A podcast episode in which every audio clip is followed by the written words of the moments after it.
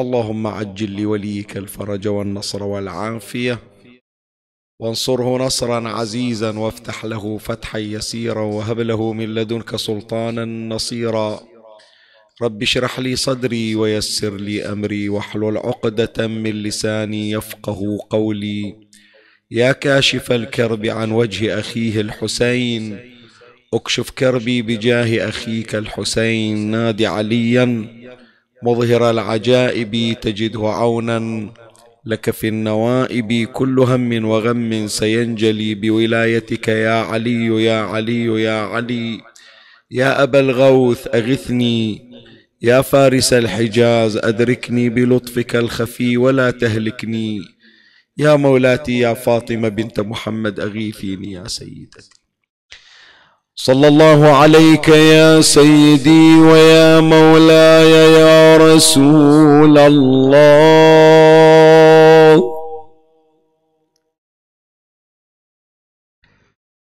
صلى الله عليك وعلى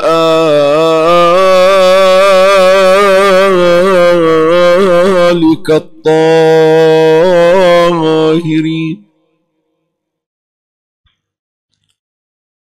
فاز من اعتصم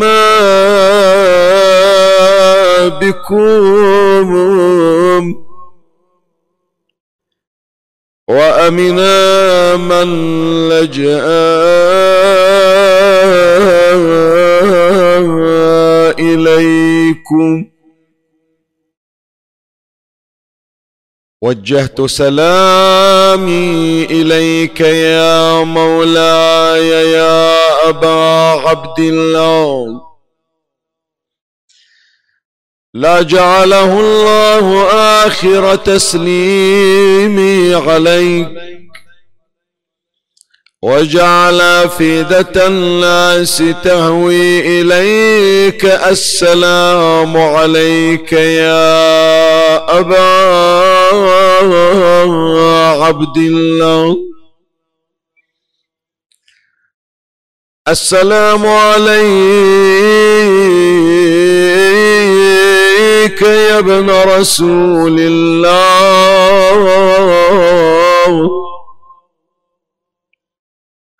سلام الله وسلام ملائكته المقربين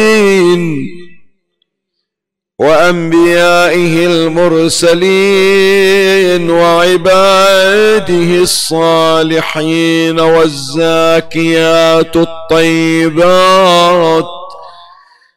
فيما تغتدي وتروح عليك يا ابن أمير المؤمنين.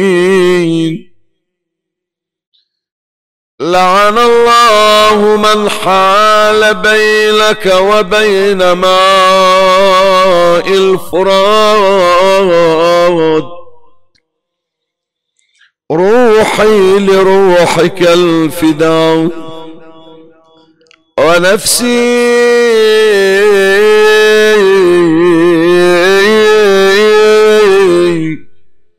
لنفسك الوقاء يا قتيل العداء ومسلوب العمامة والرداء يا ليتنا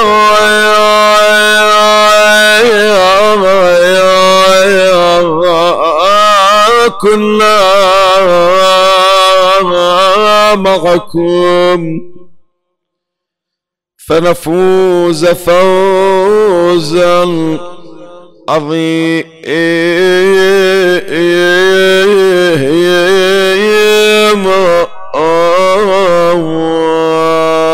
يا غريب يا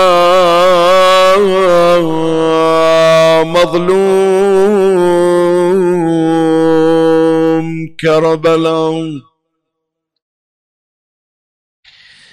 حتى إذا اشتبك النزال. حتى إذا اشتبك النزال وصرحت صيد الرجال بما تكن وتكتموا وقع العذاب. وقع العذاب على جيوش أمية من فارس هو في الوقائع معلم. ما رأهم إلا تقحم ضيغم ما رأهم ما راهم إلا تقحم ضيغم غيران يعجم لفظه ويدمدم عبست عبست وجوه القوم خوف الموت والعباس فيهم ضاحك متبسم.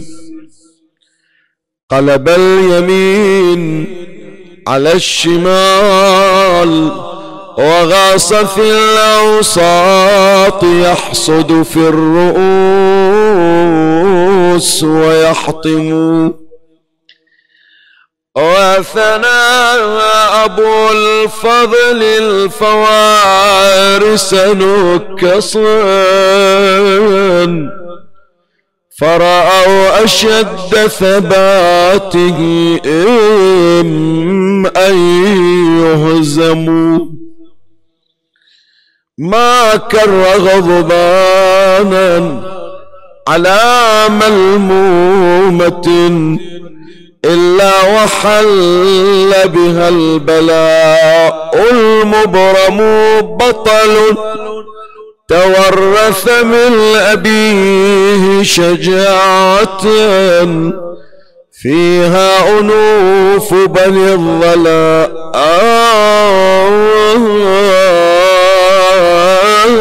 التي ترغم لو سد ذي القرنين دون وروده نسفته همته بما هو أعظم ولو استقى نهر المجرة لارتقى وطويل ذابله إليه سلم أو تشتكي العطش الفواطم عنده أو تشتكي العطش الفواطم عنده وبصدر صادته الفرات المفعم حامي الظهينه أين منه ربيعة؟ أم أين من؟ عليا أبي مكدم؟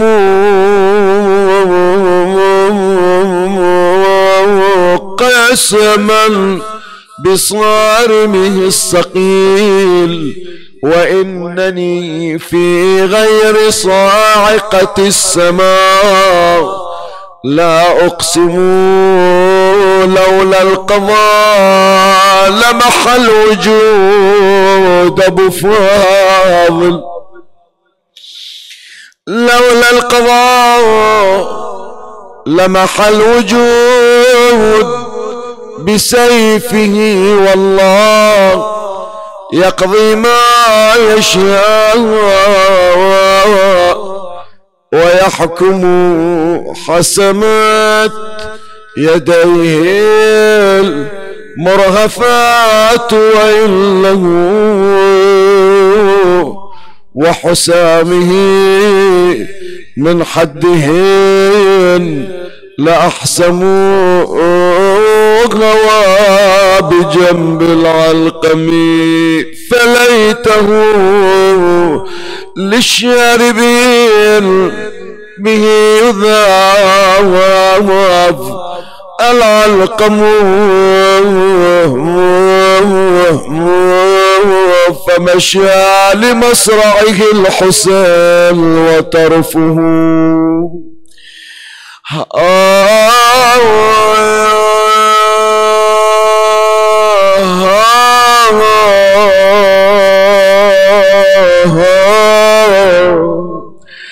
فمشى لمصرعه الحسين وطرفه بين الخيام.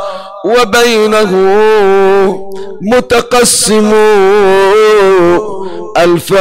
ألفاهما حجوب الجمال كأنه بدر بمنحطم الوشيج ملثم فاكب منحنيا عليه ودمه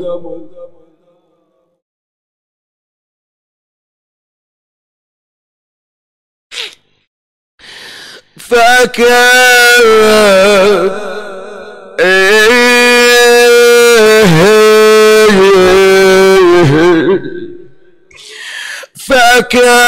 فاكب منحني عليه ودمعه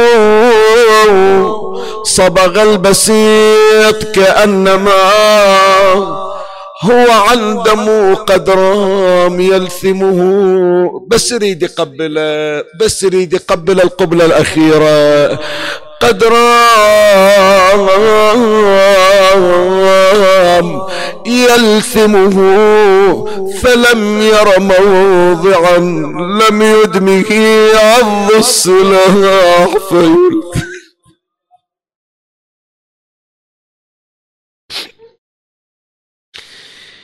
يعني بحياتي ثلاثين سنة على المنبر ما قارها الكلمة على العباس مولاي.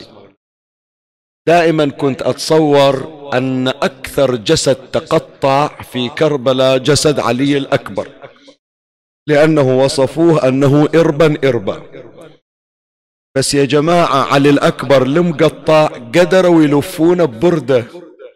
العباس حتى ببردة ما ينشاف اجتمعوا عليه شيخ الكعبي يقول بس طاح العباس خلي أحرق قلبك أهيئك. لما وقع أبو الفضل الأعداء كانت أول ما برز العباس يخافون من التقرب إليه. اللي يشوف أبو فاضل فقط النظر إليه كأنه نظر إلى علي بن أبي طالب. فما كانوا يقدرون ويجرؤون أن يتدنوا من أبي الفضل.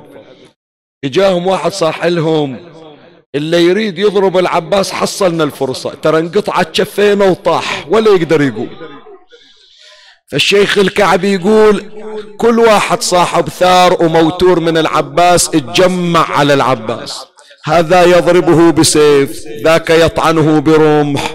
الما عنده شيء يشيل الحجر ويرميه على العباس. زين هذا اللي طايح يقدر يوقف شلون يوقف؟ يتش بايدينا على الأرض ويوقف. والما عنده كفين شو يسوي؟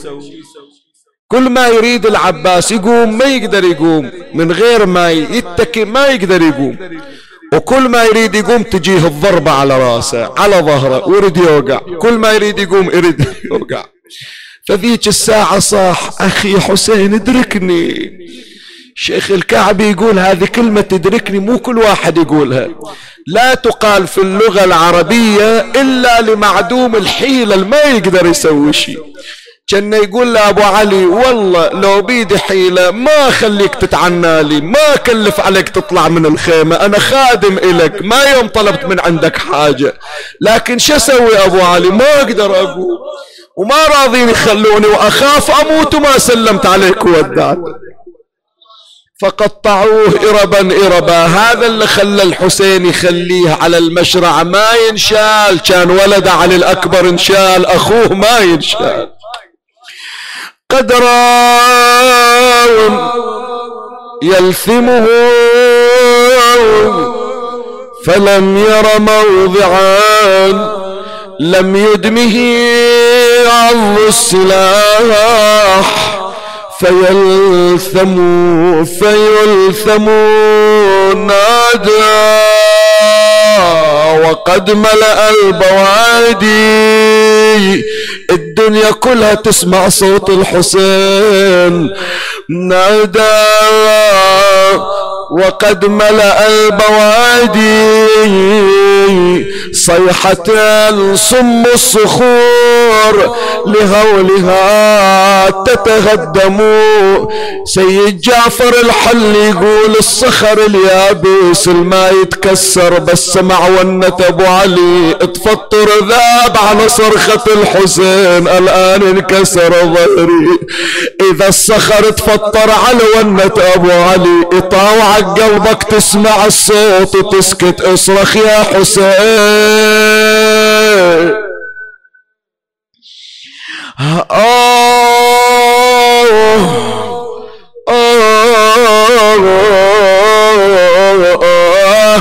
نايدا وقيد ملأ البوادي صيحة صم الصخور لهولها تتهدم. إن شاء الله ما عندي من القاعدين برا. واحد يوم من الأيام اضطر يدخل المغتسل ويشوف اخوه ممدد هناك على المغتسل. أول ما يدخل شي يصيح. اي اسمع شي يصيح الحسين. أخي.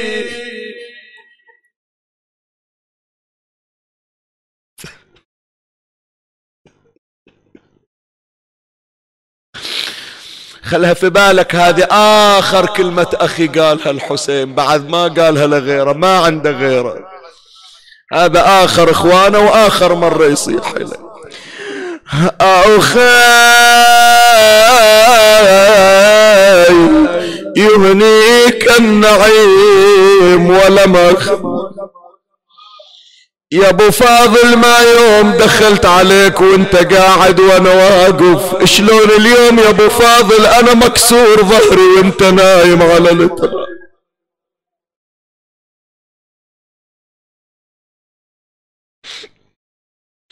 لا تأذي أخوك يا أبو علي ما يقدر يسمع صوتك. أخي يهنيك اللعيم ولم أخال ترضى بأن أرزق وأنت منعم أو خير من يحمي بنات محمد وين باودي زينب يا ابو علي وين باودي زينب يا ابو فاضل رقية المدللة ترضى عليها سكينة اللي تحبك اللي على حسابها طالع تجيب ماي شجاوبها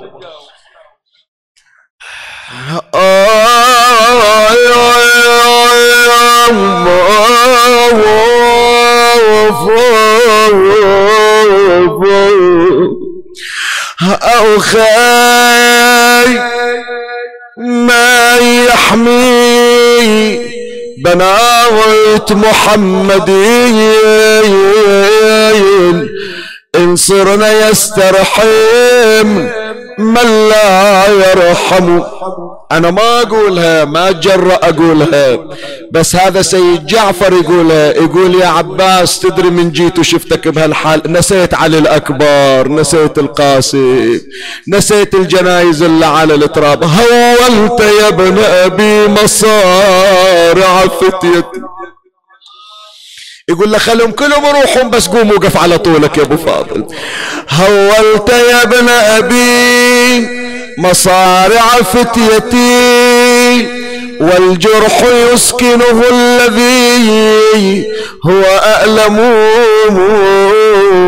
هذا حسامك من يذل به العدا ولواك هذا من به يتقدم.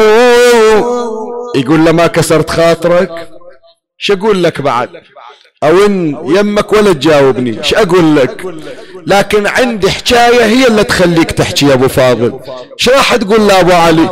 أولست تسمع ما تقول سكينة؟ عما يوم الاسر من يحميني يحميني يحميني. أب إلزم قلبك إلزم قلبك إلزم قلبك. لا تتأذى. بعد إلي شغل وياك؟ أولست تسمع ما تقول سكينة؟ عما يوم الأسر من يحميني. عباس تسمع زينبا تدعوك من يا أخي إذا العدا ضربوني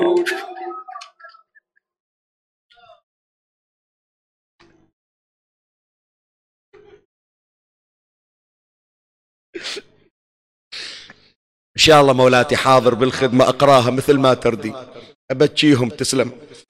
تسلمين مولاتي ونستسلم راسك من تطلبين أنا خادم إليك.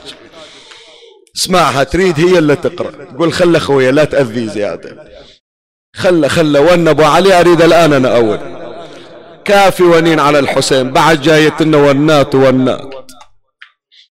بس خلي سبحان الله كلها فتوحات كل اللي أهيئة يعطوني أبواب غير الأبواب اللي عندي. ثلاث ونات والنحسين يا ناس ثلاث ونات والنحسين يا ناس يا ناس. والنعل الولد والنعل عباس. بعد ونا ومنها تشيب الراس على زينب وضيعتها ويا الرجال. زين سيدي من أعطي مجالي لزينب. شوف زينب شو تقول؟ خلها هي تحكي ويا أخوها. تقول له أبو فاضل تذكر يوم طلعنا من المدينة؟ أنت اللي ركبتني أنت اللي نزلت علي سجف الهودج. يقول زينب عندك أبو فاضل لا تخافي وأنا طالعة بحمايتك. خلي أحكي وياك الان ظلم الدنيا خويا والدرب خوف. البيرق على راسي ما نشرته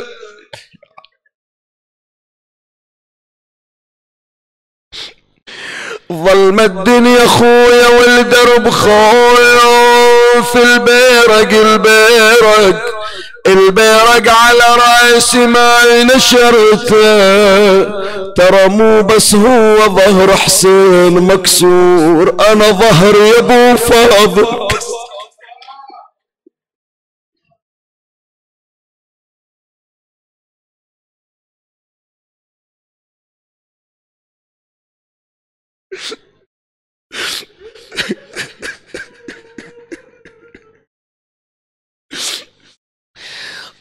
الدنيا خويا والدرب خوف والله خوف خوف يا أخوي البيرق على رأسي ما نشرت.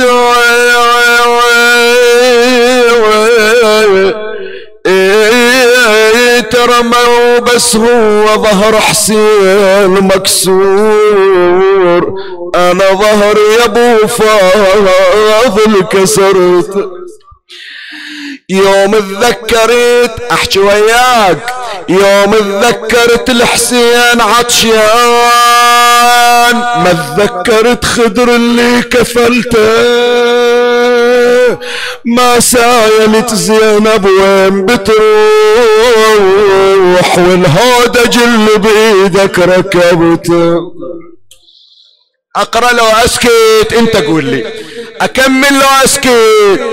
سبن الشمر لما نجيب الطريق. معقولة يا خويا ما سمعته أراويك الظهر أزرق من ساعة ما سطرني وينك انت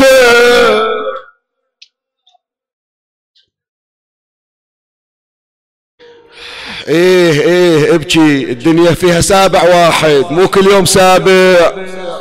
إيش دراك؟ يمكن هذا آخر سابع الك نح على العباس نياحة مودع.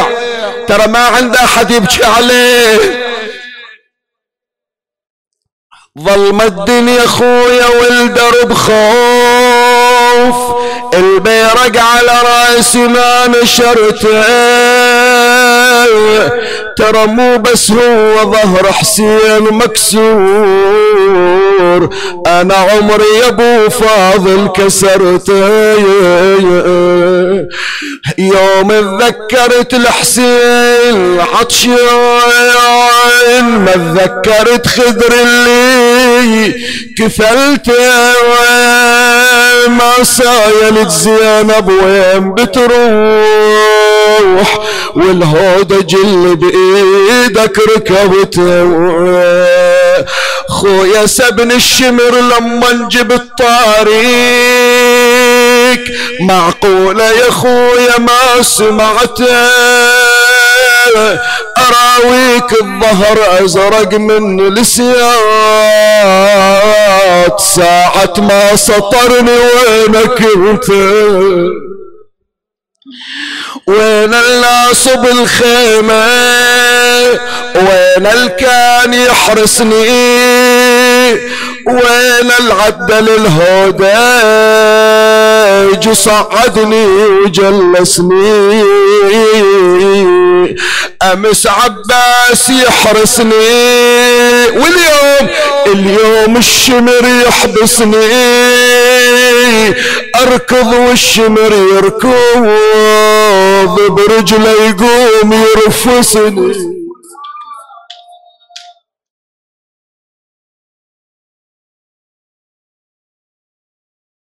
إنا لله وإنا إليه راجعون.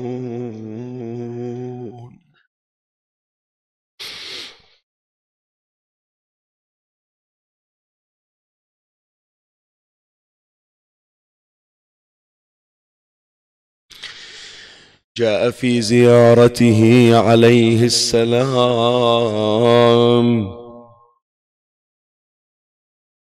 السلام عليك أيها العبد الصالح.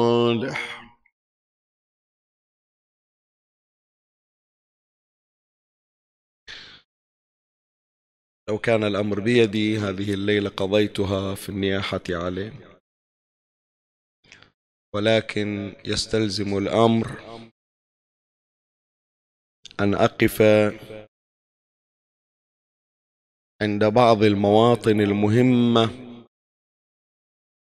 لبيان عظمة من نبكي عليه وأنه ليس بالرجل العادي. نحن لا نبكي على مجرد بطل. ولا نبكي على مجرد شاب جميل الطلعة بهي الصورة. فقده الحسين وخسرته الحوراء زينب بل ربحته وكسبته إلا أن جرح العباس ليس من الجروح التي تندمل وجمرة العباس ليست بالجمار التي تبرد. فلهذا أنا أتصور أنه لو بقيت زينب بعد فقد أبي الفضل لطال عمرها قليلا إلا أن جرحين في يوم واحد جرح أبي الفضل وجرح الحسين عجل على روح الحوراء زينب. فما دامت بعد هذا المشهد أكثر من سنة وبضع أشهر. فيها لم يسمع لزينب صوت. تلك التي لعلعت بصوتها وجلجلت بنبراتها قد كيدك واسع سعيك وناصب جهدك بمجرد أن انتهت مسؤوليتها ما سمع لها صوت. عاشت أحزان الحسين والعباس. وإن أصعب الموت وأمره الموت بغصة. لأن الغصة قاتلة وزينب قتلتها الغصة على أخيها. فلو كان الأمر بيدي لأعطيت حق المصاب أكثر إلا أني أريد أن أعرفك على من نبكي هذه الليلة وعلى شخصية إلى الآن وإلى قيام الساعة ستبقى مجهولة وسرا حتى يكشفه حتى يكشفه إمامنا صاحب العصر والزمان. عجل الله فرجه الشريف. وسأقف فقط عند هذه الفقرة. السلام عليك أيها العبد الصالح. وهي الفقرة التي تمر عليها أنت ولا تعطيها عادة الحق اللازم بها. ومن يستطيع أن يعطي حق العباس غير المعصوم. أترى أن قام بقامة العباس قادر أحد منا أن يؤدي جزءا يسيرا من حقه؟ نحن أعجز أن نؤدي نحن أعجز من أن نؤدي حق أمه أم البنين فكيف لنا أن نؤدي حق شخصية كشخصية أبي الفاضل؟ سلام الله عليه. إلا أني سأوقفك على مجموعة من المطالب. أريدك ابتداء من هذه الساعة وهذه الليلة حينما تمر على زيارة أبي الفضل العباس عليه السلام أن تتأمل فيما أقوله هذه الليلة لك. ولهذا كان عنوان بحثنا هذه الليلة خفايا زيارة أبي الفضل العباس. وأضع خطين أحمرين تحت مفردتي خفايا. الزيارة ليست كما تراها فحسب ليست هذه النقاط والحروف. هناك أشياء دفينة. هناك أمور خافية. تحتاج إلى أن تفتح مغاليق قلبك وأقفال صدرك. وطوبى لك إن عثرت على مفتاح يفتح قفل القلب. فإنك ستجد أشخاصا تحبهم غير الذي كنت تعلم سترى حسينا غير الحسين. وسترى العباس غير العباس. وترى السادة الأطهار بخلاف ما كنت تتصور. انظر إلى اللذة التي أنت فيها الآن. انظر إلى السعادة التي أنت فيها الآن. لعل بعض المطلعين الجدد يقول أي سعادة يتكلم عنها هذا الخطيب؟ أي سعادة لأناس لبسوا السواد واتشحوا به؟ أنت تشعر بها ولأبين لك حقيقة هذه السعادة. انظر لو أن ليلة من ليالي عاشوراء مرت عليك دون أن ينخشع دون أن يخشع قلبك أو تجري من عينك دمعة. أي بؤس أنت فيه؟ أي شقاء أنت فيه؟ ألا تحس بأنك مطرود من ساحة أهل البيت؟ ألا تبقى تسأل نفسك تراودك هذه الخلجات؟ ما الذي ارتكبته حتى حرمت من البكاء عليهم ما لهؤلاء الصبية الصغار الأطفال يكادون أن تزهق أرواحهم من أجسادهم وأنا الذي ترعرعت في المأتم أكثر منهم وكنت دائما أبكي الآن أنا محروم من البكاء. أهل طردني الحسين؟ أهل غضب علي أبو الفضل ألن أعود إلى تلك السعادة مرة أخرى. ثم ترزق في ليلة من الليالي. مفتاحا يفتح قفل القلب فتتحرك له العين فترى زمزم عينك قد تفجر حتى كأن الخطيب مهما أطال ومهما ذكر فإنه لا يشبع رغبتك. وتخرج وتذكر وتخرج وتذكر وتنام وتذكر. ثم بعد انقضاء تلك الدموع وحالة البكاء تكون أسعد الناس تكون أسعد من تلك العروس التي زفت على زوجها لأنك رزقت دمعة عليه. هل أليست هذه حالات نعيشها؟ هذه حالات لنا نحن لا أقول لأهل البحرين ولنا نحن لا. لكل من عاش حب الحسين. سنة وشيعة مسلمون وغير مسلمين. كل من ذاق عسل حب الحسين يحس بهذه الحالة. فغرضي هذه الليلة أن نفتش سويا على مفاتيح نفتح في بها أقفال قلوبنا لنتعرف على شخصيات الطفو هذا الموسم أكثر وأكثر. لنتعرف على شخصية حبيبنا معشوقنا أبي الفضل العباس معشوق الحوراء زينب. نريد أن نعرفه أكثر. فهلم معي هذه الليلة؟ أعيش معك في رحاب أبي الفضل عليه السلام. وانطلاقنا من هذا المقطع السلام عليك أيها العبد الصالح.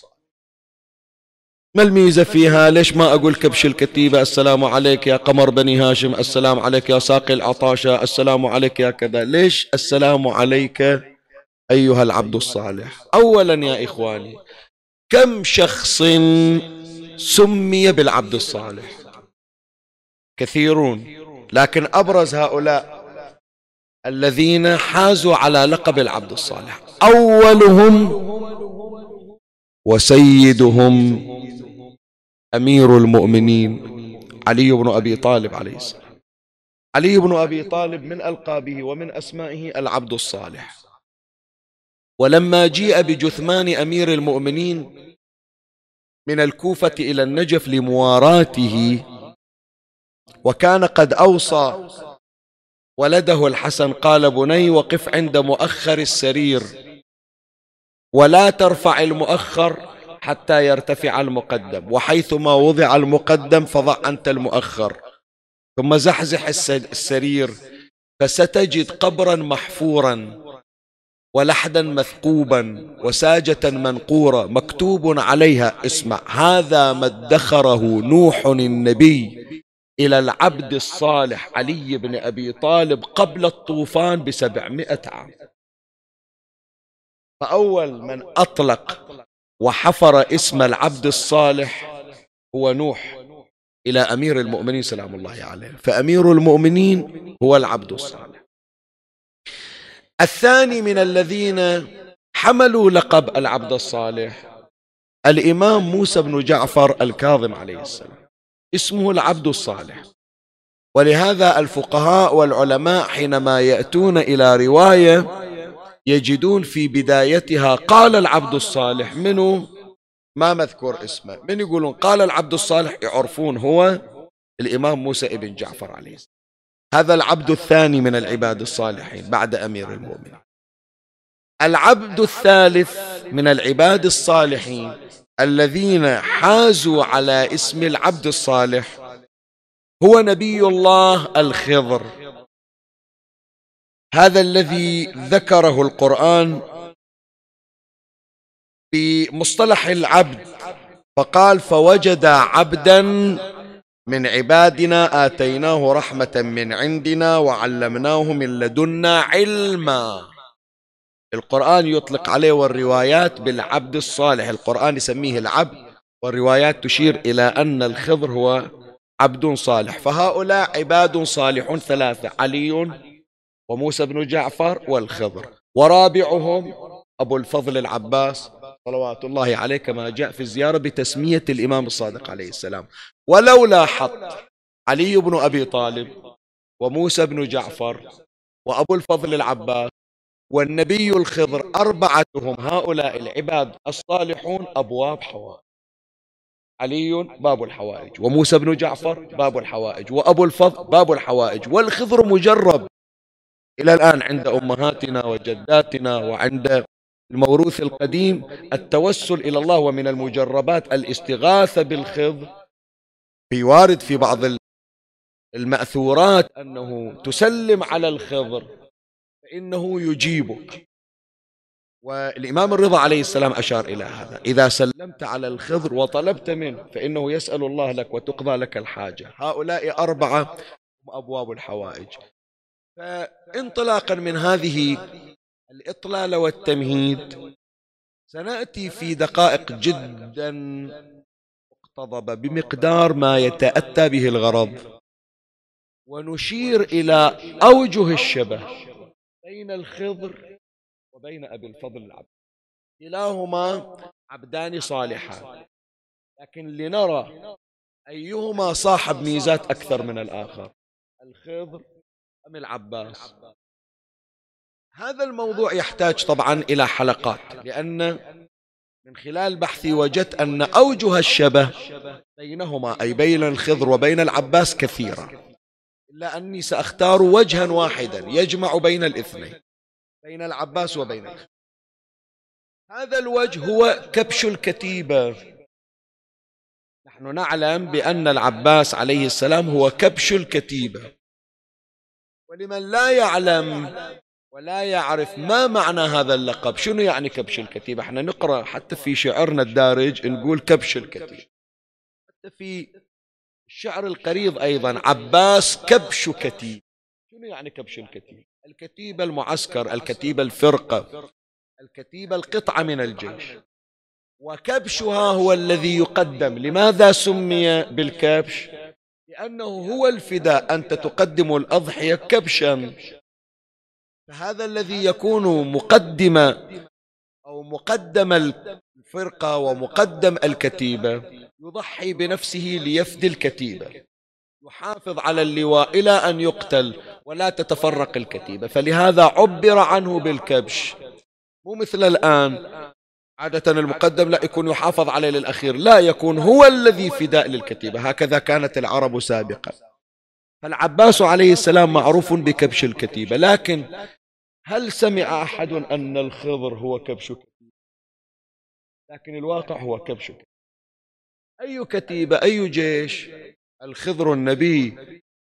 كبش أي جيش؟ في القرآن وفي الروايات.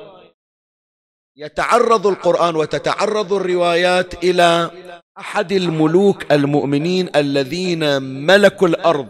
وذو القرنين. الذين ملكوا الأرض كل الأرض.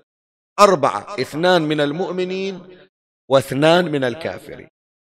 من الكافرين النمرود. نمرود إبراهيم. وشخص يقال له نبوخذ نصر معروف في كتب التاريخ. هذان اثنان ملك العالم وهما كافران.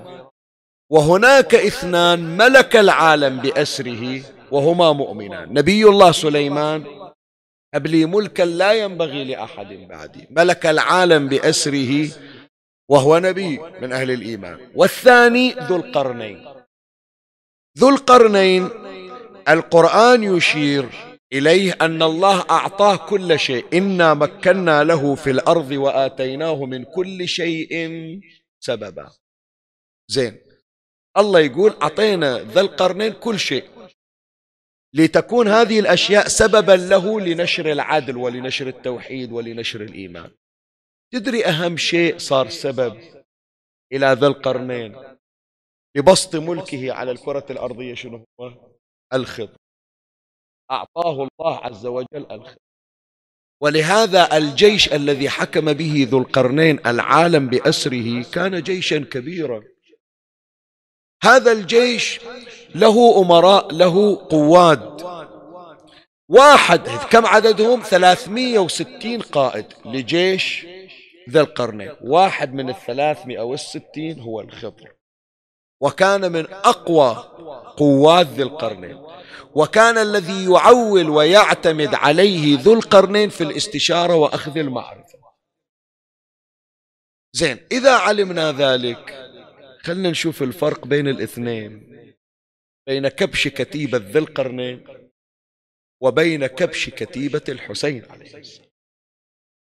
شوف ذو القرنين عند غير الخضر حتى لو كان الخضر مميز عند غير ذو القر عند غير الخضر 359 قائد غير الخضر فيكتمل العدد 360 لكن الحسين ما عنده غير العباس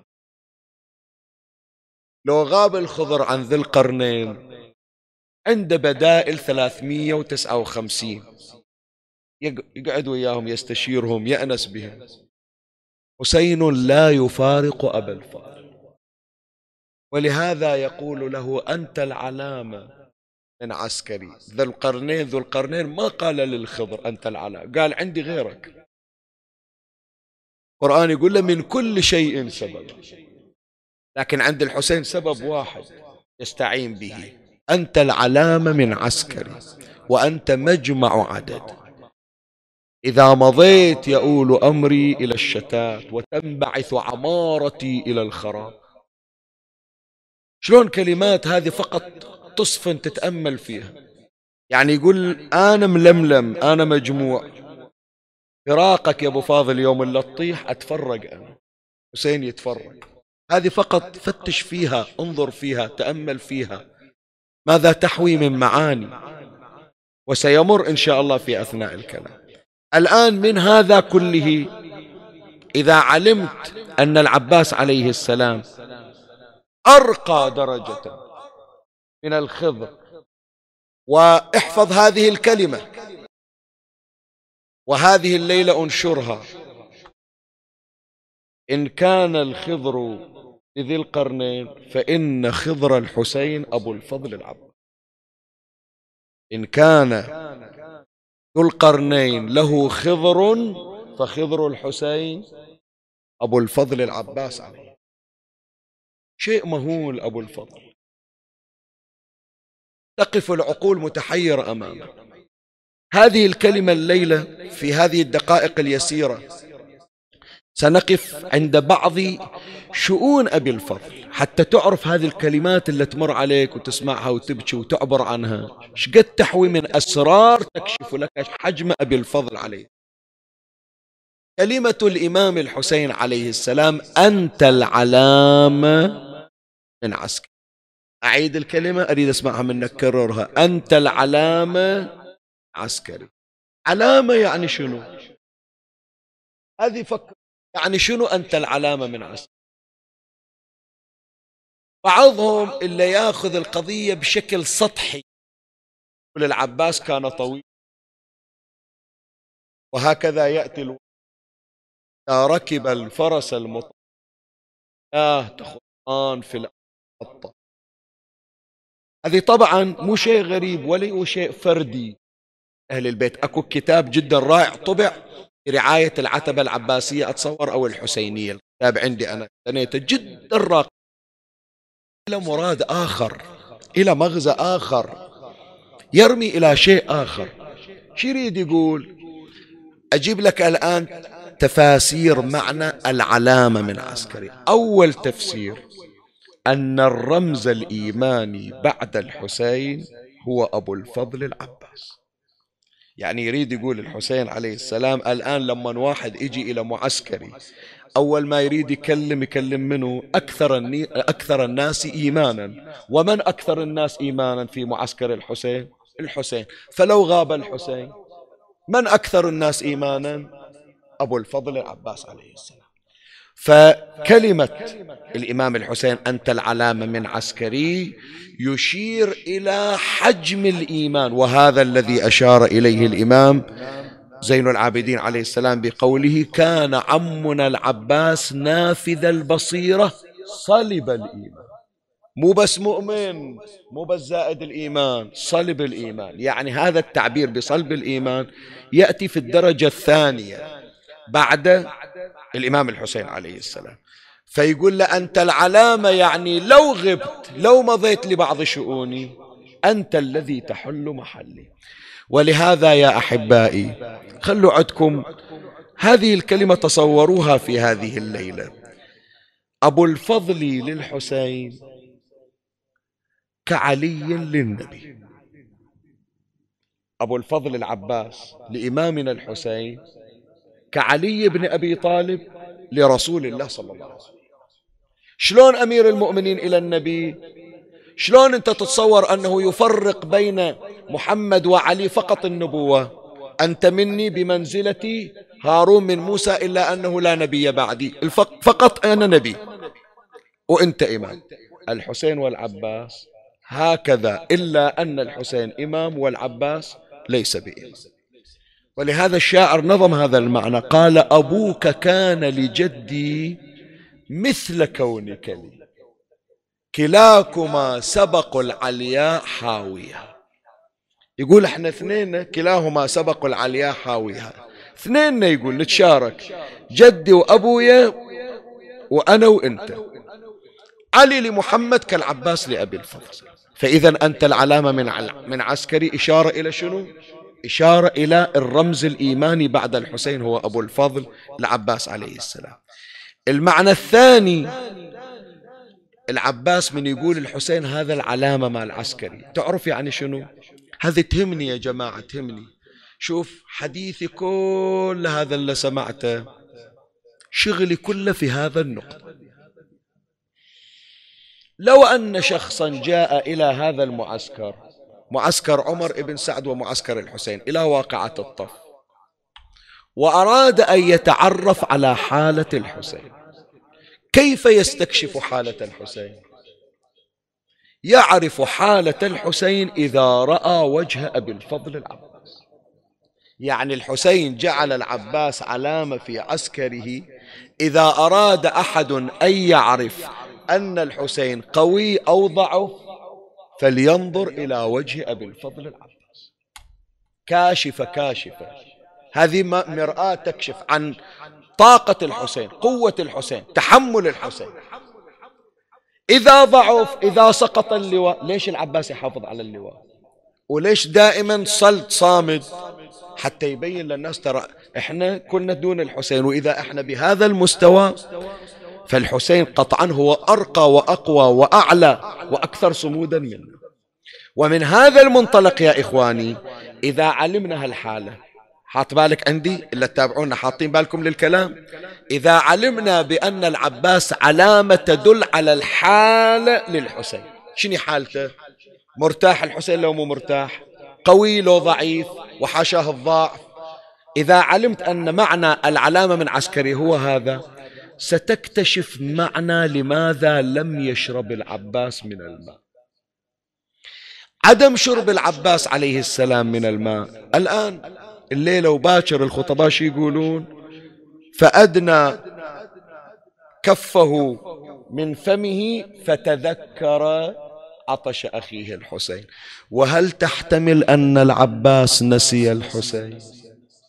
أنت تعرف تشرب ماء من غير ما تسلم على الحسين؟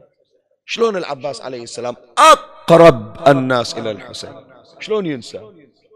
هذا أصلا لا هو رواية ولا شيء هذا لنقل تاريخي. المدون التاريخي هكذا يتصور. يتصور بأنه العباس متلهف على الماء لكن قال حرامات لا. أذكر منه حسين لو أنا أشرب لا. الواقع هناك أسرار أخرى. أول سر قبل السر اللي يخدم المطلب. هذا سر تربوي. أحبائي بناتي أيضا أخواتي العزيزات اللي يتابعون اللي أخذوا في هذه الرحلة في هذه الأيام في أسبوع قد انقضى وجبة غذائية للروح. ودخلوا في حالة إنعاش. هم الآن في العناية المركزة لأرواحهم. وهم ينعشون أرواحهم في هذه الليالي.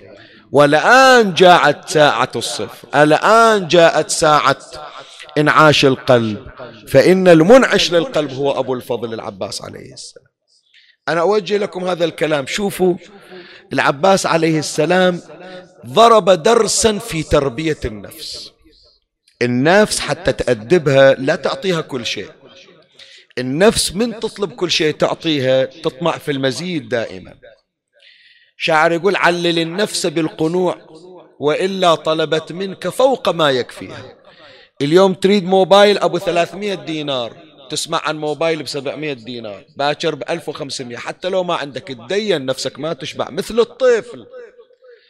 علاجها شنو؟ شلون تفطم الطفل أنت؟ شلون تحرمه من بعض الأشياء حتى تعلم على القناعة؟ النفس هكذا. العباس هكذا يتعامل مع نفسه. فلهذا بعض علمائنا العرفاء كان يعاقب نفسه في بترك بعض المباحات. إذا يوم من الأيام أذنب ذنب حتى يأدب نفسه يقول أظل مثلا مقدار شهر شهرين ما أشرب ماء بارد مع العلم أنه مباح. بس حتى تعرف النفس أنه أكو عقوبة. ما أخليك على كيفك. باكر أنت تصيرين السيدة وأنا العبد لك. أصير أنا المملوك وأنت المالكة فتتعلمين على التأديب. تأديب بهالمقدار من المباحات. العباس عليه السلام شوف حتى في الكلمة هذه الليلة من تقراها ومن تسمعها تعرف بأن العباس عليه السلام أدب نفسه ونفسه هي المؤدبة. إجا عطشان مو طالب حرام هو. طالب مباح بل بالعكس. لو شرب العباس ماء لقدم خدمات لمعسكر الحسين عليه السلام. يتقوى أكثر وأكثر وبالتالي يستطيع أن يدافع أكثر وأكثر. لكن هو يقول لا لابد أن أروض نفسي. كأبي أمير المؤمنين إنما هي نفسي أروضها. بالتقوى. لهذا شوف العباس اللي يقول كان ناس الحسين فتذكر الحسين. لا. العباس عنده خطاب معرفي للنفس. فلهذا هو يقول يا نفس من بعد الحسين شنو؟ هوني. يعني قد وصلتي؟ بعد. دون الحسين أنت أدرك في الدرك وسبحان الله كلما احفظها كلما صغرت من نفسك من أجل الحسين كلما رأيت نفسك لا شيء أمام الحسين رفع الحسين نفسك أكثر وأكثر. تسمو الأرواح بالحسين بن علي.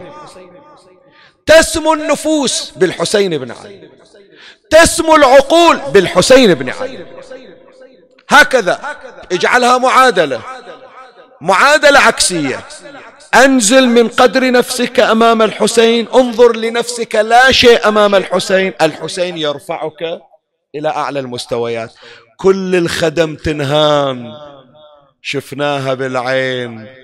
بس بكرامة تعيش خدام الحسين. يا أبا عبد الله هذا واحد من الأسرار أسرار عدم شرب العباس للماء.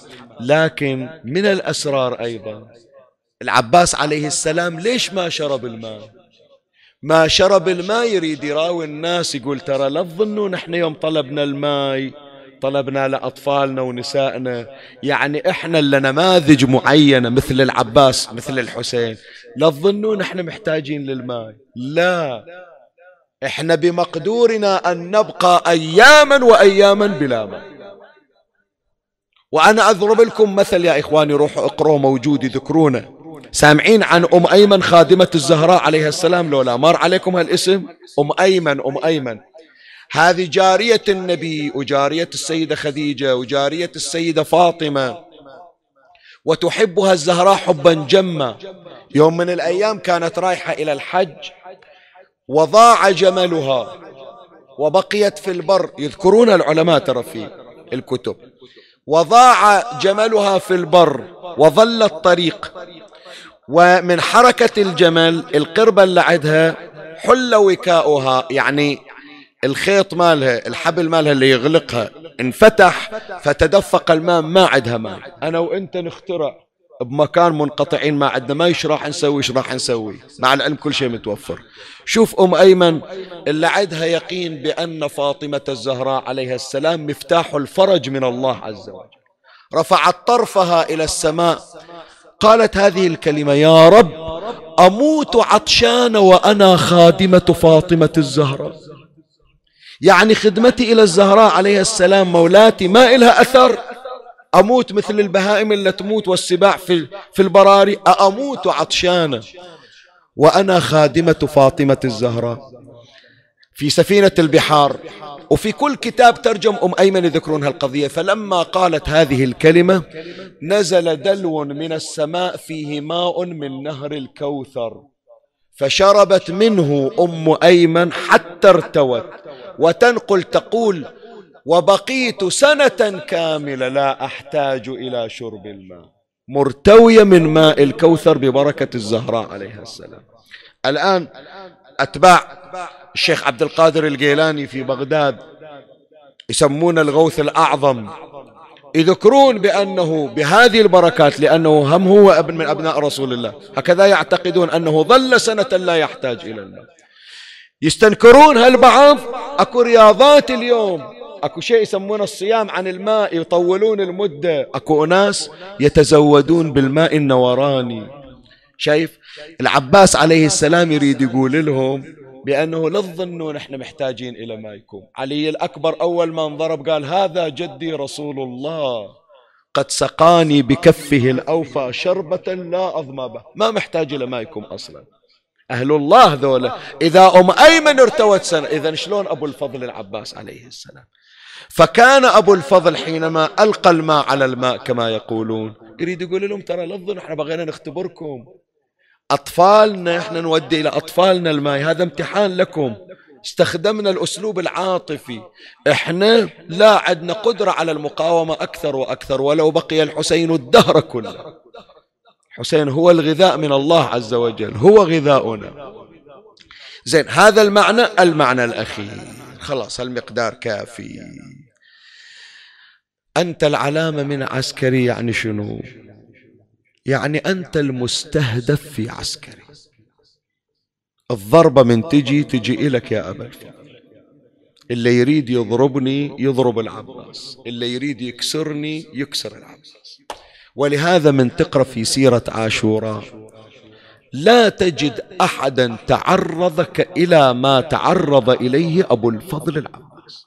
من الإصابات سامع أنت أن أحد ضرب بعمود من حديد غير العباس؟ نعم عدنا. عدنا بأن زوجة وهب الكلب يوم إجت إلى خرج غلام لشمر فضربها بعمود على رأسها. وعدنا أيضا رواية تقول بأن علي الأكبر ضرب بعمد من حديد على رأسه. بس المقدار الثابت الذي ضرب على رأسه بالعمد من هو؟ أبو الفضل العباس. والضربة إيش تتصور؟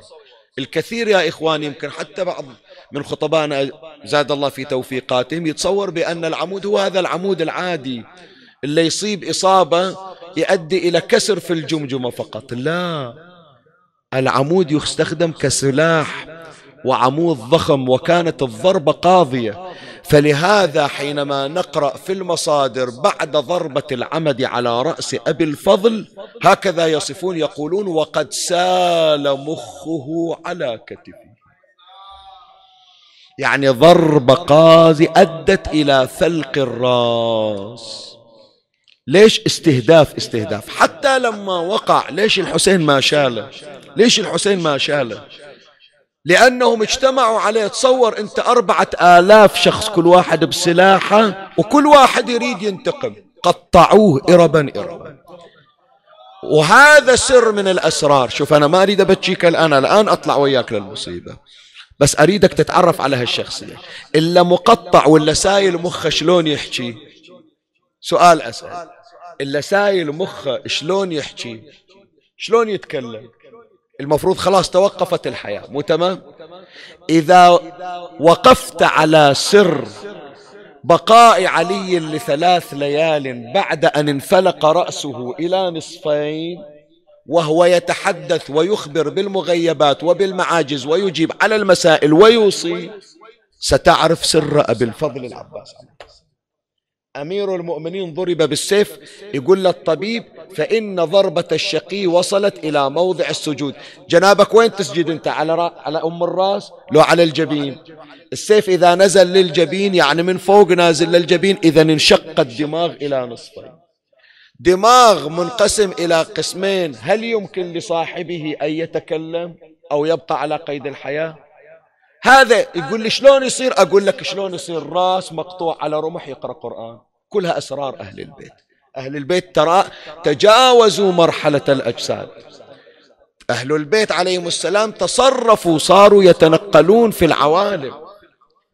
ولهذا إحنا نعتقد أنتم أحياء عند ربكم ترزقون.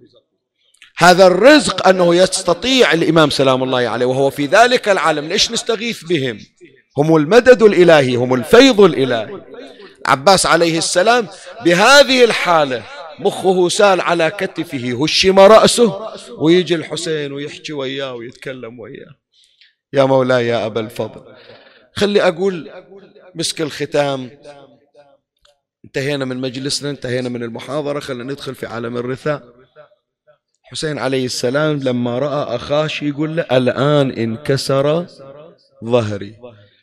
انكسر ظهري يعني شنو؟ يعني بعد الواحد مكسور ظهره يقدر يقاتل؟ سؤال أسأل. واحد مكسور ظهره. حتى من قام الحسين من عند العباس يا جماعة يقولون محدود بالظهر. محدود بالظهر محني الظهر. ما فكرت أنت إذا ظهر الحسين انكسر من بعد العباس؟ شلون قدر الحسين يقاتل؟ ما فكر؟ إلا ظهره مكسور يقدر يصعد على ظهر جواد؟ يقدر يقاتل؟ شلون قاتل الحسين؟ لا!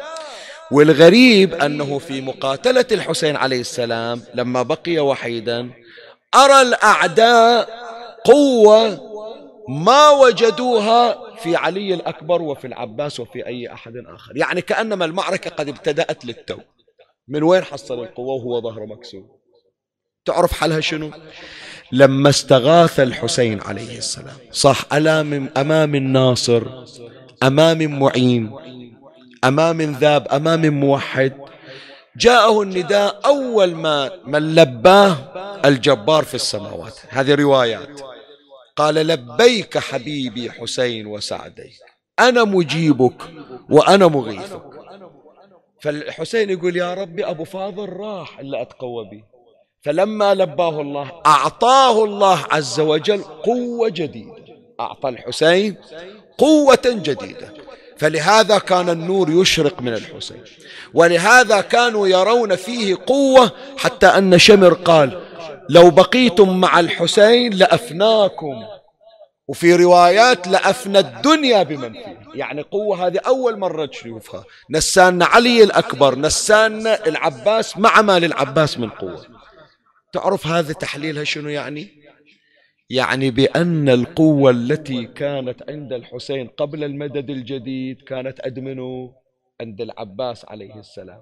ولما قتل العباس ابتدأ الحسين عليه السلام يحس بالضعف من ورائه من بعده. فاحتاج إلى مدد إلهي وتأتيه قوة من الله جديدة. نقطة آخر السطر. فكروا في هذا الكلام لتعرفوا أنتم في محضر من هذه الليلة. ظن به وما أراد أن يخرجه. كلما جاء العباس عليه السلام يطلب الإذن بالبراز أخوه الحسين يمتنع. قال له أخي أبا العب أخي أبا الفضل أنت العلامة من عسكري أنت مجمع عددي. إذا مضيت يؤول أمري إلى الشتات وتنبعث عمارتي إلى الخراب. أبو فاضل أنت قوتي أنت جلدي أنت مددي. الله عز وجل كما شد أزر موسى بهارون شد أزري بك يا أبا الفضل. فأنا ما أريد أفرط أستعين بك يا أبا الفضل. يقول له العباس يا أخي أما أنت لو وزن صبرك بالجبال الرواسي لرجح صبرك وأما أنا لا طاقة لي أن أرى إلى هؤلاء الأطفال وهم يتضورون عطشا. فقال له الحسين أخي أبا الفضل بحقي عليك عد إلى مكانك. العباس يمتثل مطيع أشهد لك بالتسليم والتصديق. عاد أبو الفضل العباس إلى مكانه بينما هو واقف بين أوساط المخيمات. وإذا به يرى امرأة قد خرجت من أوساط المخيم وهي متجلببة بسوادها. وسهام القوم كرشق المطر تترى. صاح العباس أمة الله ارجعي إلى الخيام لئلا تصيبك سهام القوم. وكأن تلك المرأة لا تسمع. قال عودي فإن سهام القوم قادمة إلينا. وهي تمشي. قال ألا تسمعين ما أقول؟ وهي تمشي. قال مني هذه؟ مني تسمع صوت أبو فاضل؟ وما ترجع. خاف مذهولة خلي أنزل أشوفها. ترجل العباس من على ظهر جواده. جاء يمشي إلى تلك المرأة. من أنت؟ كشفت خمارها وإذا بها سكينة بنت الحسين. سكينة من متى أنا أحكي وياك وأنت ما تسمعين؟ أنا مدللك وأنا عمك.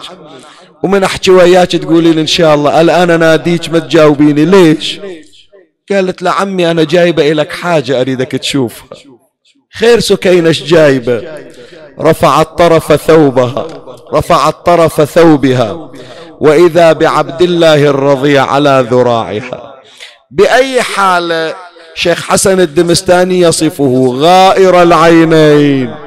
طاوي الباطن ذاوي الشفتين. عين الرضيع وقعت في جبجمة رأسه. بطنه التصق بظهره. شفتاه ماكو لبن وماكو ماء شي يسوي؟ يقوم ياخذ النداوة الموجودة على شفايفه فصار الرضيع يعض على شفتيه إلا الآن تستمعني وعدها طفل الله لا يراويها هالمنظر بأولادها الله لا يراويها هالمنظر في هالحالة. في شخص تحبه في شخص تعزه. تقول له سكينة عم أيموت هذا الطفل عطشا ترضى مروتك يا أبو فاضل يا أبو الغيرة.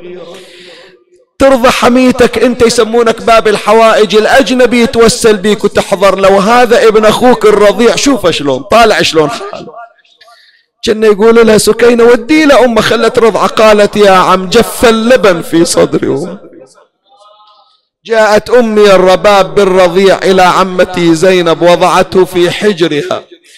قالت يا زينب خذوا طفلكم يموت عندكم. فإحنا بعد يا عمي ما عدنا أحد. عمتي زينب قامت تدور على المخيمات ما حصلت قطرة ماء. قلت لها جيبيه أكو واحد عندنا يسمونه باب الحوايج. ماكو غيرك يا أبو فاضل. قل لها تعالي تعالي سكينة تعالي. صيري لي عامل مساعد. أريد أستعين بيك تفيديني. لأني أنا عرضت الطلب على أبيك الحسين ما وأنا ما أقدر أحكي وياه أرادده بس أنت مدللة والحسين ما يكسر إليك كلمة وأعرف الحسين حنون إذا شاف حالة الرضيع. يلين قلب أبو علي.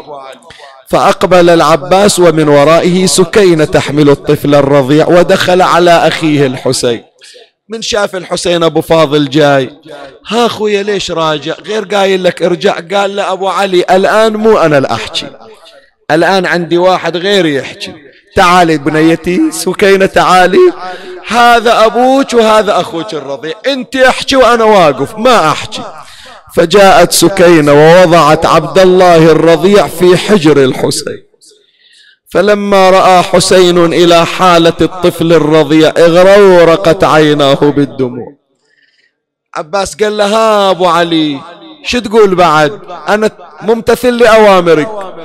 فقال حسين أخي أبا الفضل إذا كان الأمر ولا بد فاطلب لهؤلاء الأطفال شيئا من الماء. قال فرصة بس خلوني أطلع حصلتها للماء فهنالك أبو الفضل رفع طرفه إلى السماء وقال اللهم إني أريد أن أعتد بعدتي وأملأ لهؤلاء الأطفال قليلا من الماء. عمي حضر قلبك. أريدك الآن تنتقل إلى عالم كربلاء وتعيش أجواء الحزن. لا تلتفت إلى أي شيء آخر. أنت والعباس والعباس وأنت. أنت مستعد لهذا اليوم. أحكي ويا أحبائنا من كل البلدان. إخواننا في لبنان إخواننا في عمان إخواننا في الخليج إخواننا في العراق إخواننا في أستراليا إخواننا في كل الأماكن اللي يتابعونا من خارج البحرين. أخبركم عن البحرين وعشقهم للعباس وكلنا عشاق العباس. الناس تنتظر يوم العاشر من المحرم وإحنا عدنا أهل البحرين الليلة سابع كأنما هي العاشر. مصيبة العباس توأم عاشورة. فاحنا نريد الليلة نعيش أجواء خاصة. وأقول لكم حكاية قبل لا أخوض في غمار المصيبة. الليلة ليلة أداء الدين. تسمعون يا أخواتي تسمعون يا بناتي تسمعون يا أولادي. كم واحد منكم طلب حاجة من أم البنين؟ قصرت وياكم؟ خيبت ظنونكم؟ سنة كاملة بس تقرون فاتحة لأم البنين تحضركم تحضر لكم في الشدائد وتقضي حوائجكم ببركتها عند الله عز وجل. الآن فاتحة ولدها هذا مجلس ولدها. شايف بعد كل سنة يمكن يفرحونها يحطون فواتح في كل مكان السنة مسددة المواتم قاعدين بالشوارع. فاحنا عمي نريد نأدي بعض الدين الذي علينا لمولاتنا أم البنين ولمولاتنا فاطمة الزهراء لأنها هي المفجوعة. أقبل أبو الفضل تناول قربتان وأخذ اللواء الأخضر وصعد على فرسه الميمون. وهو فرس أمير المؤمنين علي بن أبي طالب.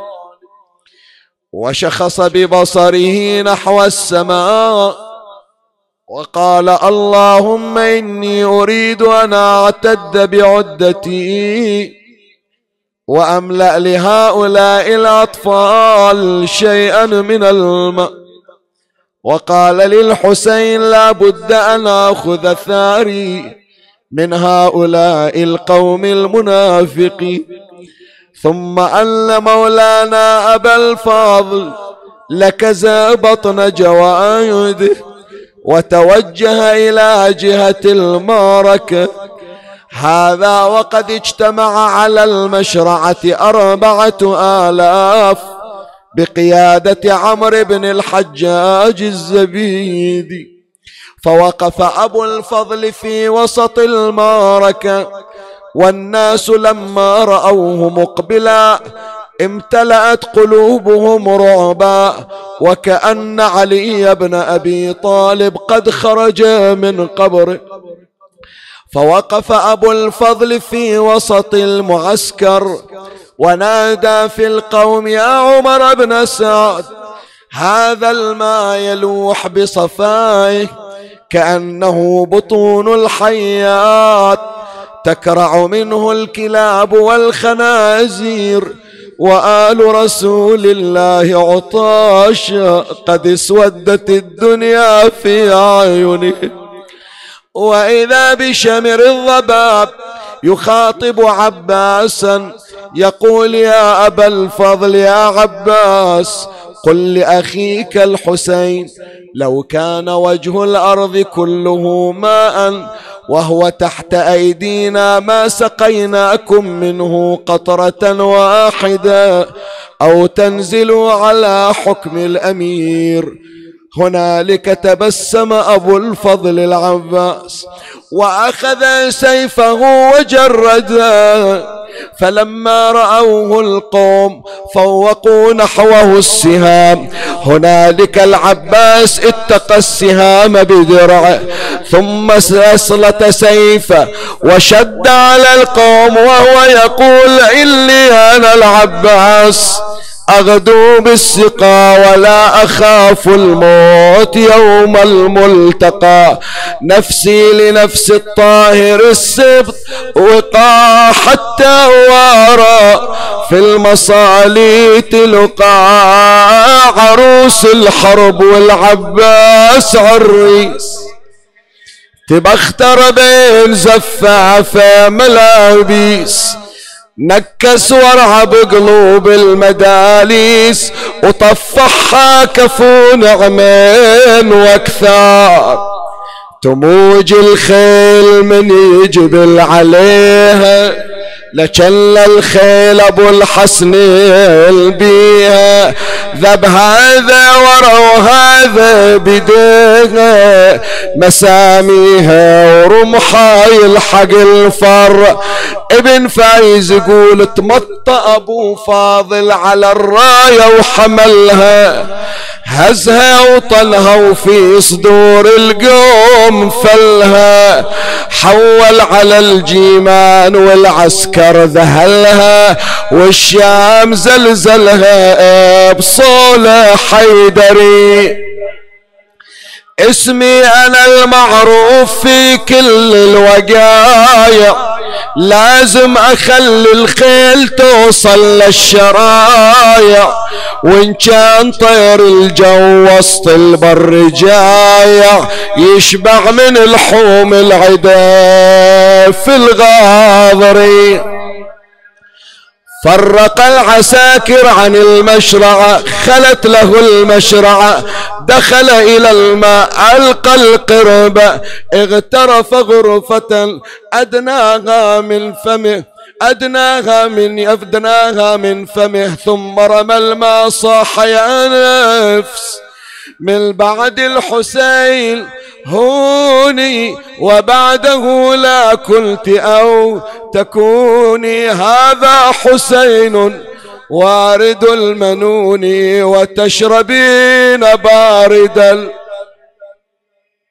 والله ما هذا فعال ديني ولا فعال صادق اليقين. كل سنة تتذكرون يا جماعة كل سنة مثل هالليلة هذه. وين ما كنا الشباب اللي يحضرون اللي قاعدين برا.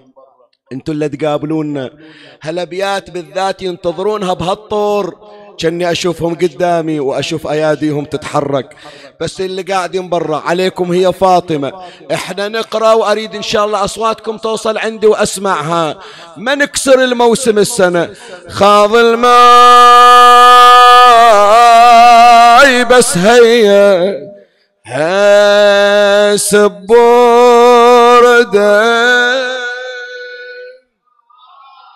أحسنت. ترس شفه يروي عطش كبده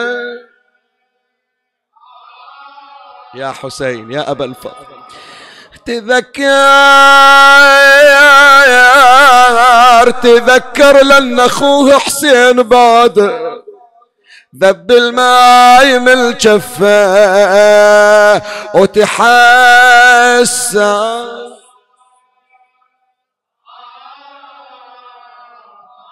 هذا أريدك تزلزل الماء تنبيه. أنا شلون أشرب وأخوي حسين؟ يا أبا عبد الله. وسكنة والحرم وأطفال رضعان وظن قلب العليل اشتعل. نيران يا ريت الماي بعد لا حلو ومار. هذا الماي يجري بطون حي.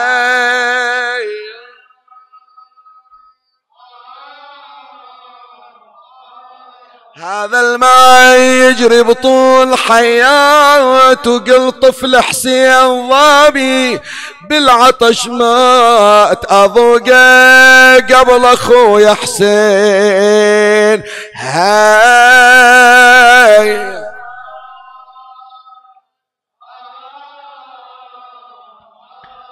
ملا عطية يقول ظل بالظما ساق العطاشة وطلع بالجود. الدرب بينه وبين أخوه حسين مسدود. بيها سطا ورمحة وسيف بروق ورعود. والروس تمطر والدموم تقول طوفان. كريتنا خل جيش وحسين انت خوصال. عباس باليمنى وابو سكنة بالشمال. صبوا على العسكر من الصوبين زلزال. والكل قصد خيه ورفيف العلم نشان شوصف فعايلهم بهالكوفان الاثنين. شنها زلازل نازلة على الجيش صوبين. شنها الزلازل من عزم عباس. وحسين عافت ملازمها وخلت حومة الميدان. شمس النبوة وقمر هاشم يوم عاشور. شقوا سحاب من الكتايب والسما تمور. دار الفلك بيها وتلاقى النور. أجركم الله. نادى عمر بن سعد فرقوا بينهما.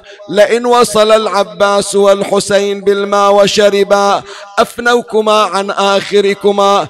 قالوا ما الحيل؟ قال افترقوا عليهما. قال بعضهم فأقبل شمر الضبابي في خمسمائة رجل وهجم على مخيمات الحسين فتصارخت النساء في الخيام وحسين اللي برا تصرخون لا اصرخ ونادي وحسين. ويا زينب اصرخ يا حسين. لما سمع هنالك حسين صراخ النساء والأطفال قال إنا لله وإنا إليه راجعون. اجعل علامة بيني وبينك. قال العلامة هي اللواء. عاد حسين إلى مركزه وبقي أبو الفضل وحيدا يا الله! واجتمعت عليه الألوف وأحدقت به الصفوف. وبينما هو يقاتل. أقبل إليه رجل يقال له حكيم بن الطفيل. ضرب العباس على يده اليمنى فقطع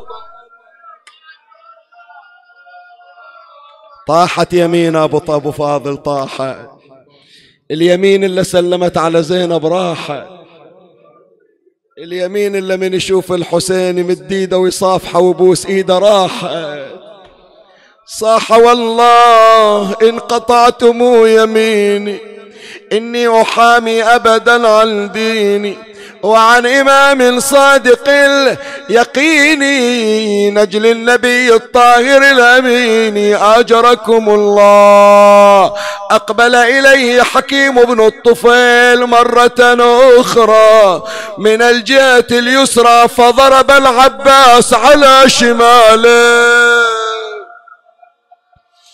قطع يده اليسرى يا نفس لا تخشي من الكفار وأبشري برحمة الجبار مع النبي وآله الأطهار. قد قطعوا ببغيهم يساري فأصلهم يا رب حر النار. يشكو إلى منو؟ منو عنده قولوا إلي يا جماعة أول وحدة شالت العباس مني. أول وحدة تلقت العباس. ترى الليلة تبكي تقول زينب أخت العباس لا زينب قبل لا تصير أخت أمه. هي اللي احتضنته هي اللي شالته هي اللي قمطته هي اللي ودته إلى أبوها علي. صار يشكي إلى أم الحنونة صار يشكي إلى أخته الغالية. يا أختي يا زينب قطعة وشمالي ويميني.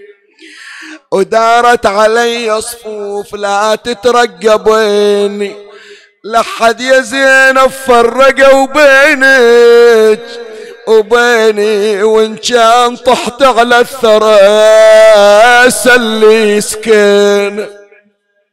شو أسوي لك يا أبو فاضل؟ أقدر أسوي شيء؟ تريدني أطلع من الخيمة؟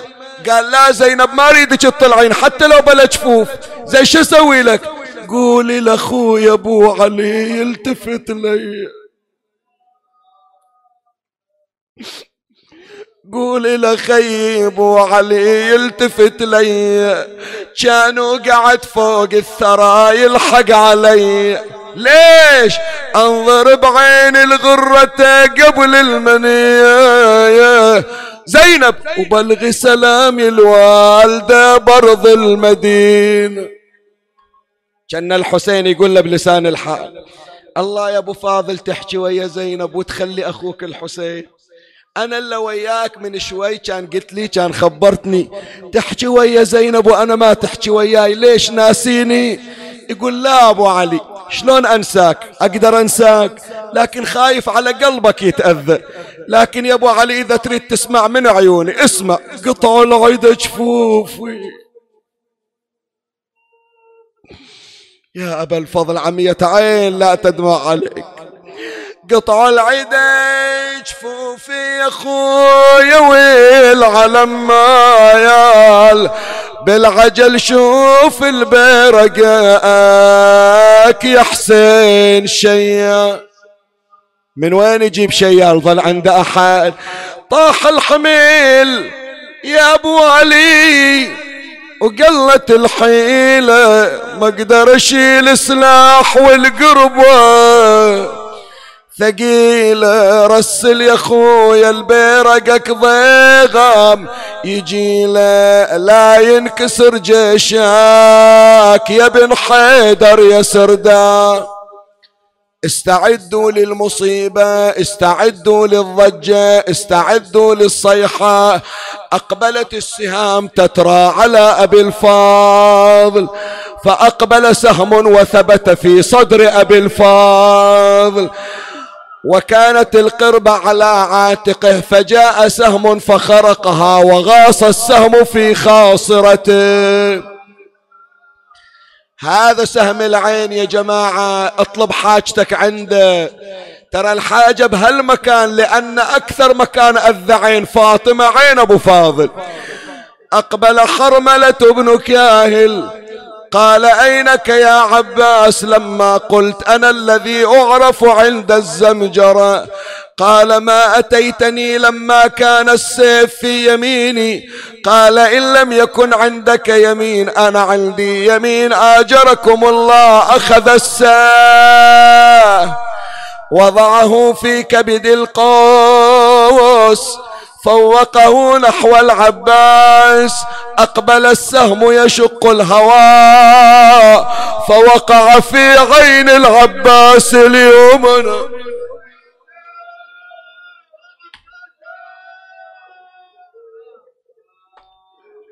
إذا شفتون واحدة قاعدة ما ملتفتين إلا واحدة قاعدة حاطة إيدها عن خاصرتها عزوها.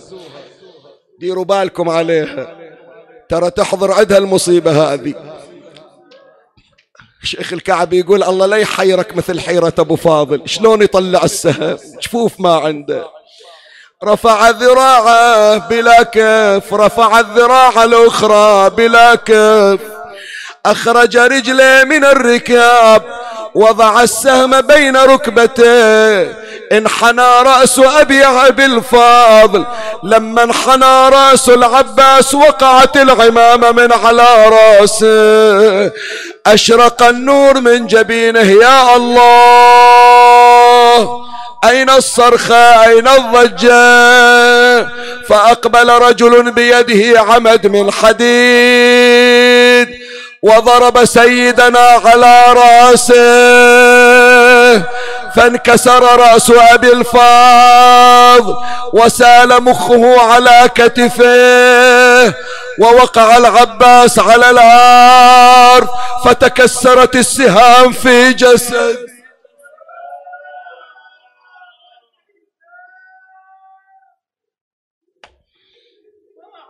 إيه إيه إيه, إيه. طلعها طلعها الدمعة طلعها طلعها. طلعها الصيحة المضمومة طلعها. طلعها إذا طلعت الليلة وما طلعت الدمعة من عندك يعتب عليك أبو فاضل. يقول تاليها نسيتني لو ما تحبني.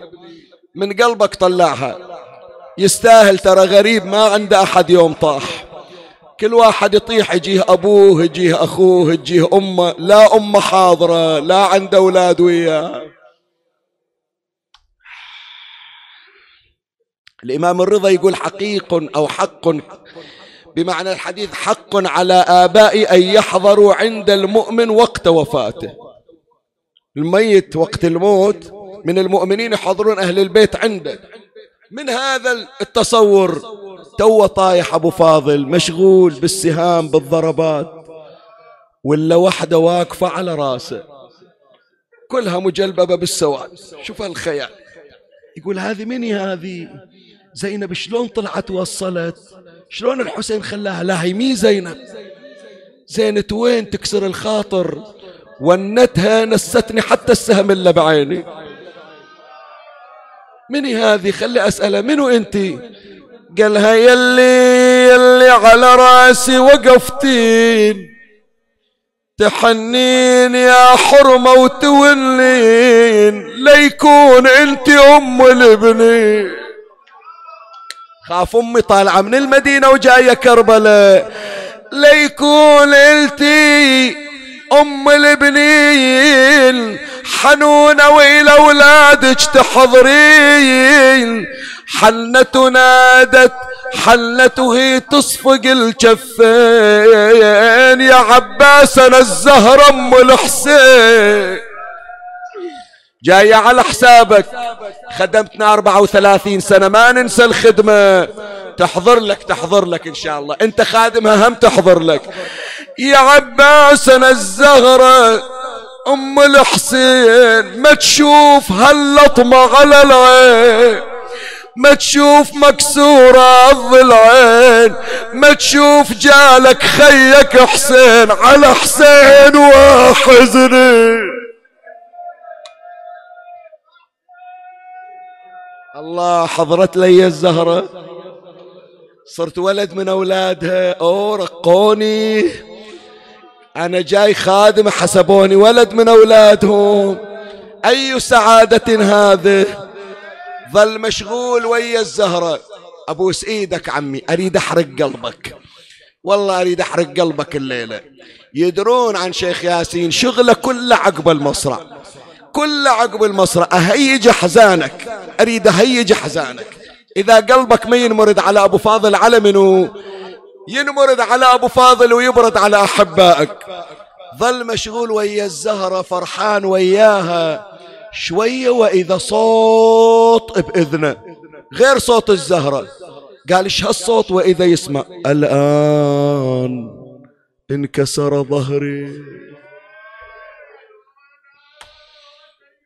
الآن قلت حيلتي الآن شمت بي. هذا منو اللي وين؟ منو قاعد عند راسي وين؟ ذبحني بهالونة قطعني بهالونة. أعظم من هالعمد اللي على راسي. أنت منو اللي قاعد وين يريد يشوفه ما يقدر يشوفه. السهم بعينه. السهم الثاني العين الثانية جامد عليها الدم. يريد يشيل السهم إيده ما فيها كف. قال خلي أشوف الإيد الثانية ما فيها كف. وعينه لا واحدة تنفتح والثانية أفسدها السهم. قال ما كل الإذن اسمعي وين يكسر خاطري منو أنت؟ وإذا الصوت. يا عباس أنا حسين يمه. واختلط دمعي بفيض. دمك. يا أبو فاضل سكنة تسلي الطفل باسمك. تقل ساعة ويجيب الماء يا عم. أخي شنو من الليلة هذه؟ شنو من الليلة هذه؟ أبو فاضل تسمعني؟ قال أسمعك أبو علي. تسمع صوتي؟ قال إيه أسمعك لكن ما أشوفك سامحني. بس أسمع صوتك. قال له أبو فاضل بس خبرني. ما غبت عنك إلا دقائق طالع من خيمتي أحلى من القمر أجمل من البدر. إيش سواك بهالحالة؟ راسك مفتوح نصين جفوفك طايحة واحدة يمين واحدة شمال. السهم غاص وصل إلى دماغك. مخك سايل على كتفك مقطع. إيش سواك بهالحالة؟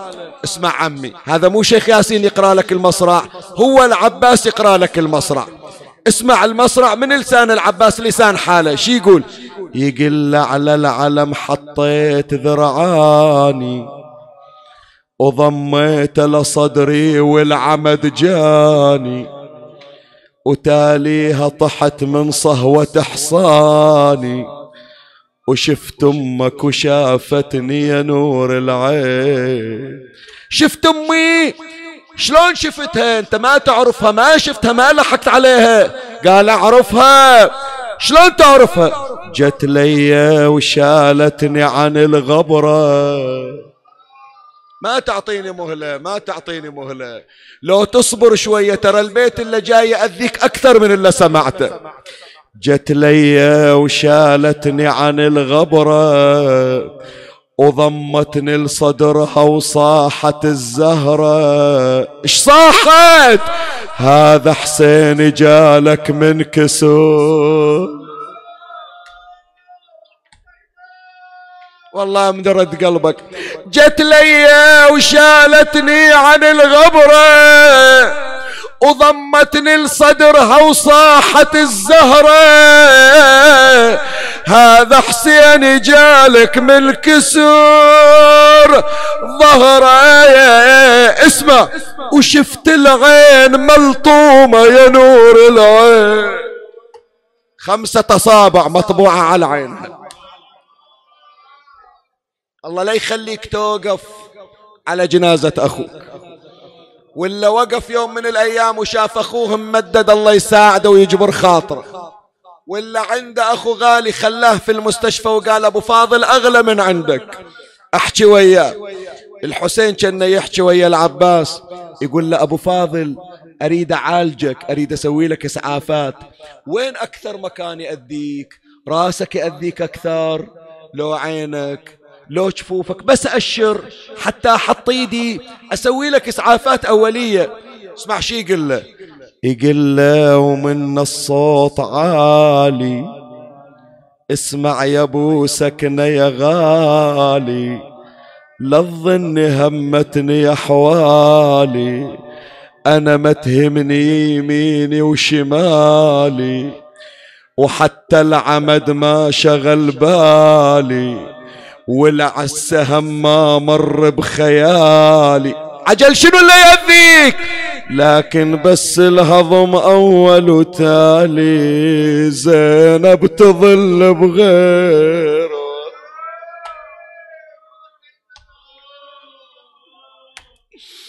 خلاص عمي كافي بعد. أكثر من هذا يعني أذيك أذبحك الليلة. حصلنا المطلب كله. بس طلب الإخوان طلب أخواتنا يوصونا صار لهم مدة كل سنة كل سنة ما يريدون إلا هذه.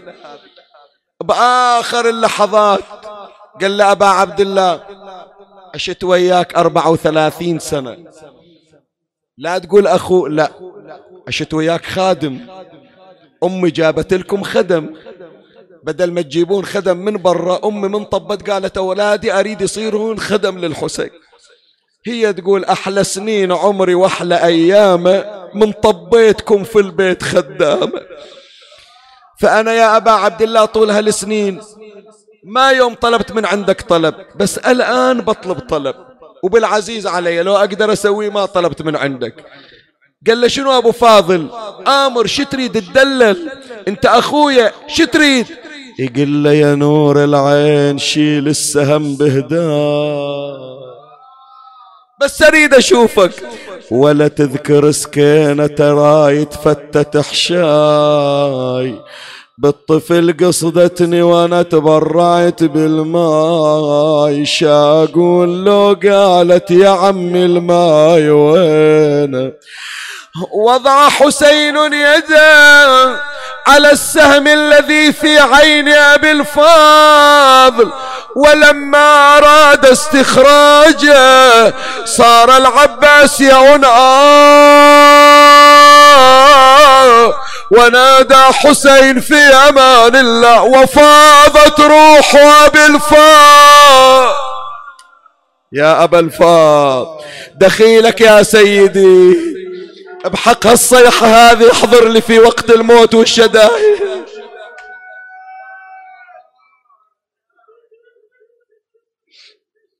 رجع مكسور ظهر أبو علي. راح العضيد راح راح. راجع يسحب عمامته على التراب أبيات الختام أسألك الدعاء. خلاص كفينا بعد. تو موصل الخيمة ولا وحدة طالعة كانها فاطمة الزهراء. من هذه وإذا الصوت. وين أخوك؟ رايح تجيبه رجعت بليا وين؟ ظل يصفق بشف على الثانية. راح يا زينب راح راح. قمرنا اللي يضوي لنا راح وانطفى. خليته على المسنات قالت له أبو علي أريد من عندك رخصة. ها زينب اشتردين قالت بس أروح أسلم عليه وأرجع. قال لا يا زينب سامحيني. أنا ما عندي نسوان يشوفونها أجانب ما أتقبل غيرتي. تطلعين ويشوفون طولك وأنا موجود؟ هو ما يرضى. قالت يا أبو علي أنت ولدك علي الأكبر شلته على صدرك وجبته. لفيته ما خليته على التراب ابن أخوك القاسم ظهرك منحني وشلته على صدرك ما حد وياك. بس هالغريب خليته ورجعت عنه. أرجع المدينة تلاقيني أم أم البنين تقول لي يا زينب حطيتين فاتحة على أخو إيش أجاوبها؟ إيش أقول لها؟ أريد بس أروح أسلم عليه. قال زينب ما تروحين. لكن الليلة ليلة 11 إذا طلعتين تدورين رقية مري على المشرع سلمي عليه من بعيد لأن يوم 11 ما راح يخلونكم. فليلة 11 طلعت زينب حافية. ومرت صوب المشرعة وصاحت هي الأبيات اللي تحفظها ومرامك وطلبك. وإن شاء الله أسجل من الخدام أني امتثلت إلى طلبات أحباب العباس. مشت زينب الأخوة وهي تصيح يا أبو فاضل هذه تالي الوصية. يا أبو فاضل ترضى أختك أجنبية. يا أبو فاضل الشمير يضحك علي.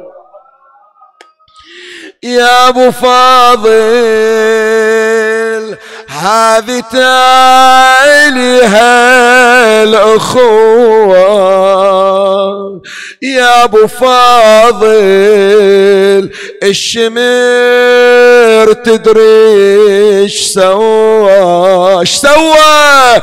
يا أبو فاضل صوته بمتوني تلو هي تمشي ولا تسمع صوت جاينا من بعيد.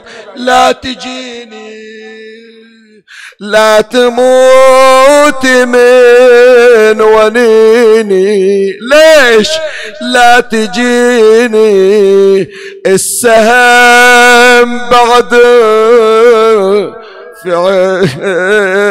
عيني لا تجيني مقطع يساري ويمين.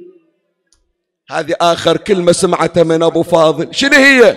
سامحيني.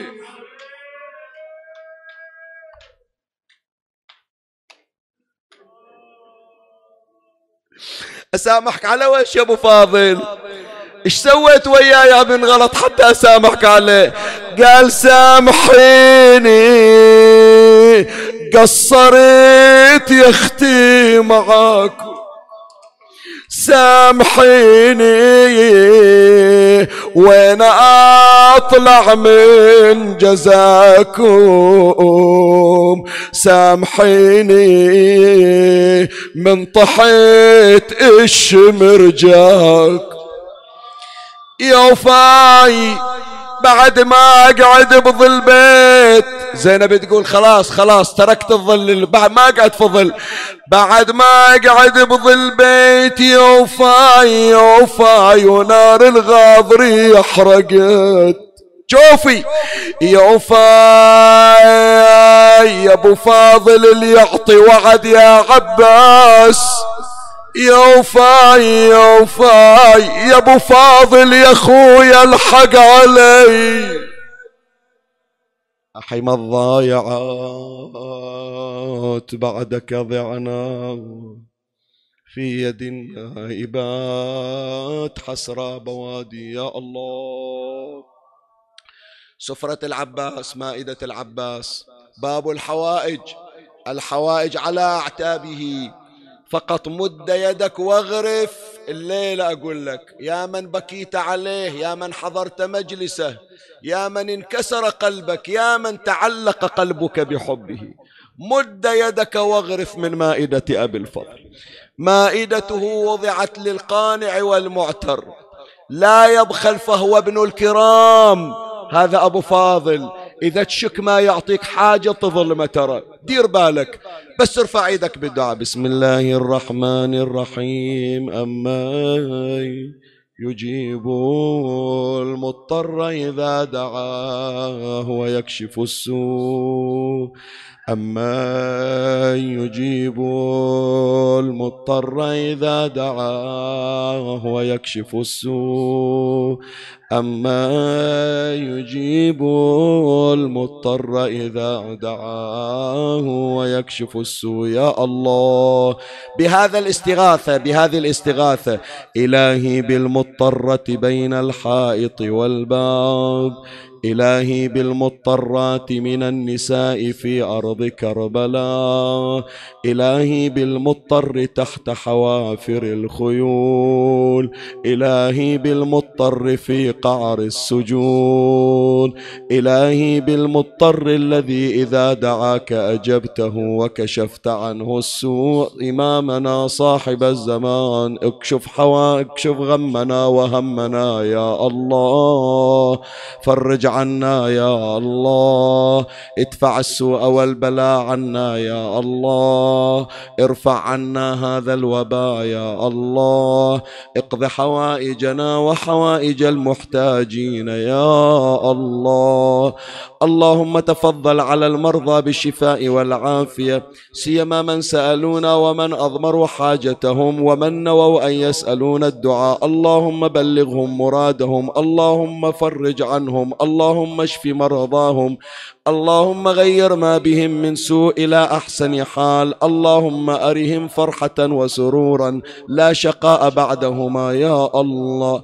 اللهم ومن كان محروما من الذرية فارزقه الذرية الصالحة. اللهم أرنا صلاح أبنائنا وبناتنا. اللهم ألف بين الأزواج وزوجاتهم. اللهم أد عنا الدين وأغننا من الفقر. اللهم فرج عن الأسرى والمعتقلين.